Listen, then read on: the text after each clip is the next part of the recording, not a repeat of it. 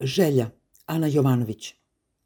U ponedeljak 5. oktobra predsjednik Srpske napredne stranke je svečano objavio kandidatkinju za predsjednicu vlade Srbije. Kandidatkinja je Ana Brnabić, dosadašnja predsjednica vlade Srbije.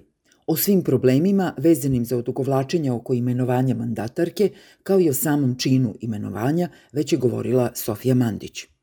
Ono što je posebno privuklo pažnju tokom skoro jednosatnog obraćanja predsjednika SNS-a bila je objava da se on zalaže da se osnuju dva nova ministarstva, kao i njegova želja da polovinu ili skoro polovinu sastava nove vlade čine žene.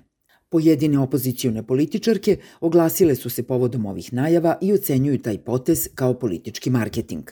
Jovanka Todorović, koordinatorka organizacije Geten, navodi – Srbiji je svakako potrebno veće učešće žena u politici, ali na pozicijama odlučivanja, kao i da na tim mestima budu u mogućnosti da budu samostalne, bez instruiranja svakog pa i najmanjeg koraka. Sve dok to ne dostignemo, nema govora o pravoj ravnopravnosti. Tanja Ignjatović, predstavnica Autonomnog ženskog centra, je eksplicitnija. Čak strahujem da je ovo rešenje maska za konzervativnu, retrogradnu, antirodnu politiku, koja je u Srbiji registrovana u prethodnom periodu, a koja svoje uzore ima i u nekim državama Evropske unije. Tatjana Macura, ko predsjednica stranke Moderne Srbije, smatra da je sve to samo uvod u kampanju za predsjedničke izbore. Da li je zaista tako loše? Da li predsjednik vladajuće stranke samo glumi progresivca, da ne kažem naprednjaka, za stranu publiku, dok u isto vreme i istim potezom za domaću publiku, kojoj, da se ne lažemo, do progresivnosti nije previše stalo, glumi dobrog domaćina koji podržava ženu stub porodice. Ako je u pitanju gluma, da li postoji mogućnost da se ipak načini koji korak napred u učešću žena u političkom životu i u rodnoj ravnopravnosti, pa makar i slučajno?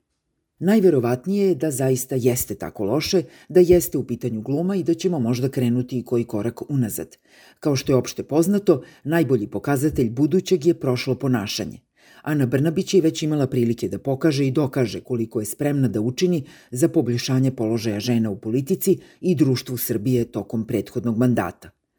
Ako bismo to i zanemarili i odlučili da mandatarki damo još jednu šansu, jer ipak će sada biti okružena ženama i to bi joj moglo olakšati delovanje, jednu stvar ne možemo zanemariti, a to je način objave ove vesti.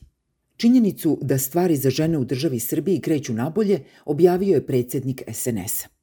Bilo bi lakše progutati priču da je u pitanju iskrena briga o položaju žena, da je predsednik SNS-a izašao, rekao da je njegov predlog mandatarke Ana Brnabić, nakon čega bi ona izašla i krenula da priča o svom planu za buduću vladu.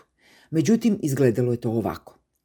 Druga ideja, moja želja, zamolio sam mandatarku ako je moguće da 50 ili blizu 50% članova vlade budu žene.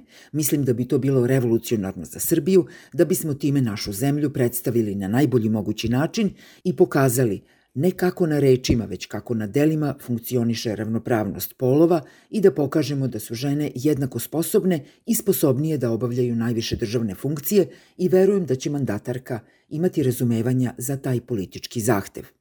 Nema potrebe da nagađamo, sve nam je rečeno. To je njegova želja jer se time predstavljamo na najbolji mogući način. On bi da se pokaže kako su žene sposobne i sposobnije. On odlučuje o svemu i ne plaši se da nam to kaže. Odsustvo mandatarke iz ovog performansa služi da potvrdi tu ideju. Njeno prisustvo nije potrebno, ona će uraditi sve što joj on kaže.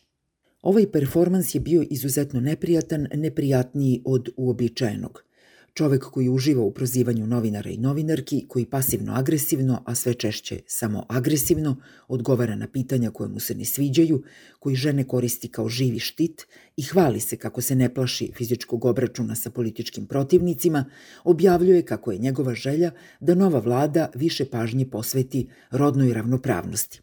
Za to vreme Ana Brnabić čeka signal da počne da glumi snažnu, progresivnu, feministički nastrojenu predsednicu vlade.